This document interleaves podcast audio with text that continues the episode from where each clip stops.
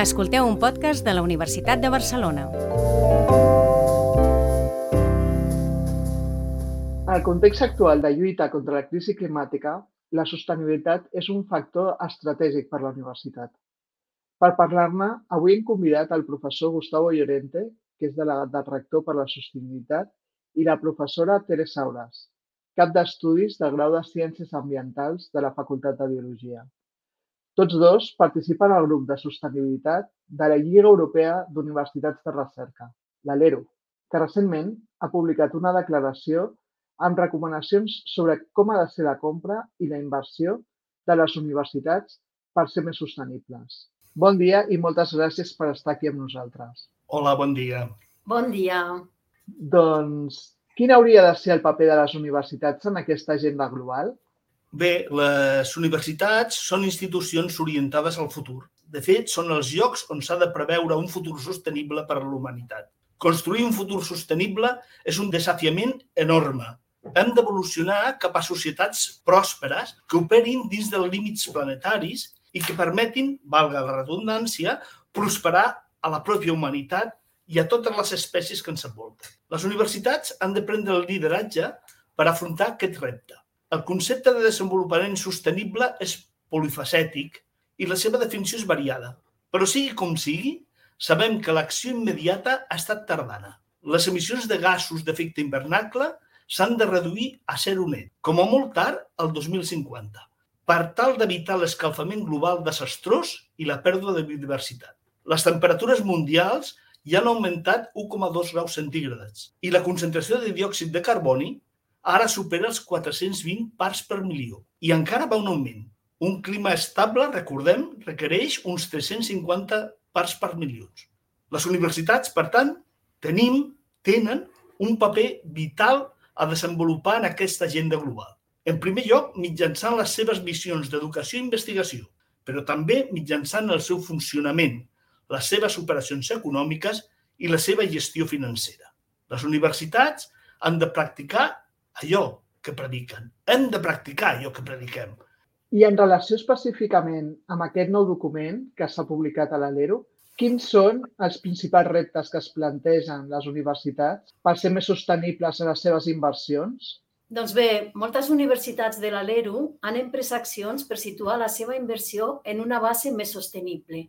Alguns exemples són la reducció de la petjada de carboni, desviant combustibles fòssils o invertint positivament en sectors baixos en carboni, com ara les energies renovables o la tecnologia que dona suport al desenvolupament sostenible. La universitat ha de realitzar les seves pròpies inversions financeres i a través de la seva investigació ajudar a moure el sistema financer cap a direccions més sostenibles i poder avaluar les accions que es derivin. La universitat doncs, de comprometre amb la comunitat financera més ampla i buscar oportunitats per restaurar els ecosistemes degradats eh, en compensació. S'ha de considerar altres efectes perjudicials de les inversions, inclosos els aspectes socials. Això vol dir també doncs, preocupar-se pel treball forçat, el tràfic de persones o el treball infantil i també sobre la biodiversitat del, del planeta. Les universitats són institucions que gasten grans quantitats de diners en compres, com a institucions científiques, tenim l'oportunitat d'assumir un paper de lideratge actuant d'acord amb la ciència i orientant els seus recursos econòmics cap a productes, béns i serveis que contribueixin a la transició cap al desenvolupament sostenible. En particular, per abordar les crisis climàtiques i de biodiversitat. D'aquesta manera, les universitats poden reduir la seva pròpia petjada de carboni, millorar les innovacions i la seva difusió i actuar com a models tant per als estudiants com pels treballadors de la pròpia comunitat i per la societat en general. El document també fa un recull de les bones pràctiques que ja s'estan duent a terme i algunes de la UB. Què estem fent bé des de la nostra universitat? En general, les universitats han canviat la manera de relacionar-se amb els proveïdors de béns i serveis de diverses maneres. Per exemple, demanant opcions preferibles pel medi ambient, estipulant condicions de sostenibilitat en les licitacions i els contractes i preferint els proveïdors que ofereixen béns, obres i serveis sostenibles. A la Universitat de Barcelona, des del punt de vista de les inversions i subministraments, s'està treballant per anar cap a inversions més sostenibles. Així, la Universitat de Barcelona, des de l'1 de gener de 2018, consumeix electricitat 100% procedent de fonts d'energies renovables, com a resultat de l'acord marc per la contractació conjunta del subministrament d'energia, tant d'electricitat com de gas, per a les entitats que integren els grups de compra del Consorci de Serveis d'Universitats de Catalunya, en properes licitacions, la Universitat de Barcelona proposa fixar el 100% en els plecs de condició de compra com a base, no només com a millora. La Universitat de Barcelona ha anat incorporant tant criteris d'obligat compliment com criteris de valoració per reduir els impactes associats als serveis que es contracten en empreses externes, definint com a condicions especials d'execució o criteris de valoració la utilització de material reciclable. També es valoren totes aquelles mesures que impliquin una major eficiència energètica o directament un menor consum dels fluids bàsics de subministrament, és a dir, electricitat, gas natural, gasos liquats del petroli, aigua, etc.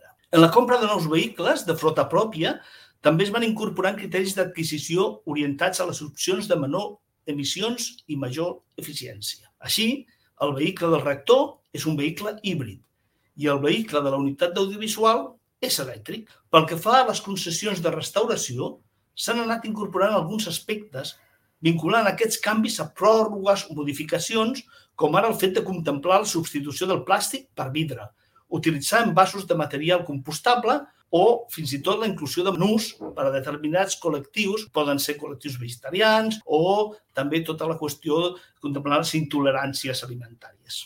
I de les recomanacions que es donen, quines està treballant actualment la Universitat de Barcelona per aplicar-les a curt termini? Bé, doncs estan fent moltes coses, però és clar, també queden moltes coses a fer. Algunes de les accions abans esmentades necessiten també un procés de consolidació cal incorporar els objectius del desenvolupament sostenible a les transaccions econòmiques de la UB.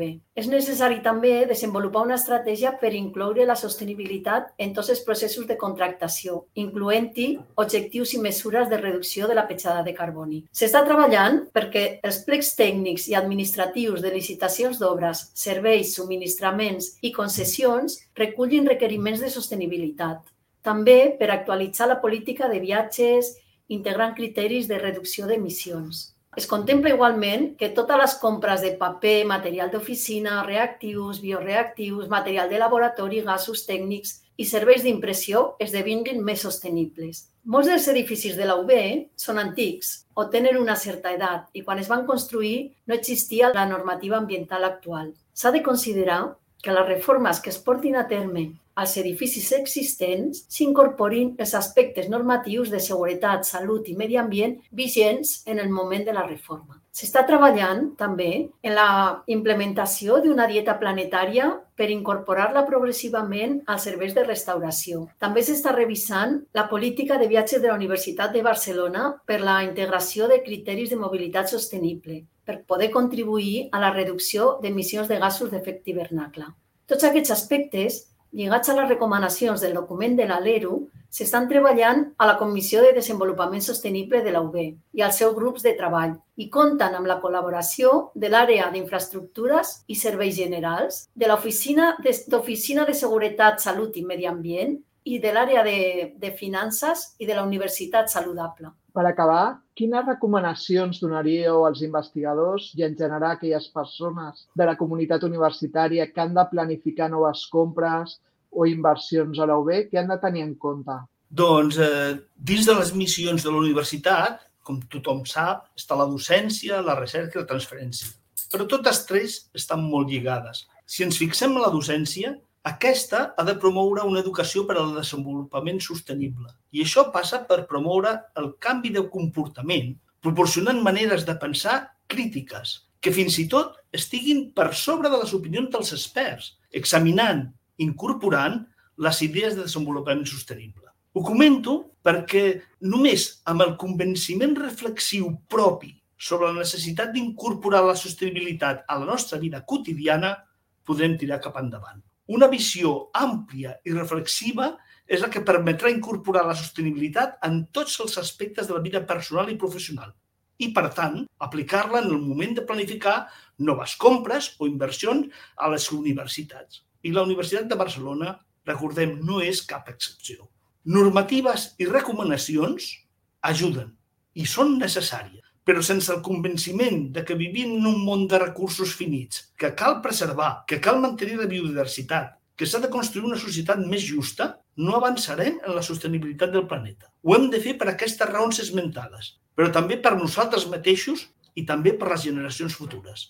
Victor Hugo, l'escriptor francès, ja deia que li produïa una tristesa immensa pensar que la natura parla mentre que la humanitat no escolta. Penso que ara és el moment d'escoltar-la. Doncs amb aquest final, moltíssimes gràcies a tots dos. Ha estat un plaer conversar amb vosaltres i, de fet, estic segura que ens retrobarem de nou per seguir parlant de sostenibilitat a casa nostra. Gràcies, Anna, tu. Gràcies. Gràcies per escoltar aquest podcast de la Universitat de Barcelona. Podeu escoltar-ne més al nostre canal d'Ivox. Més informació a la nostra pàgina web ub.edu.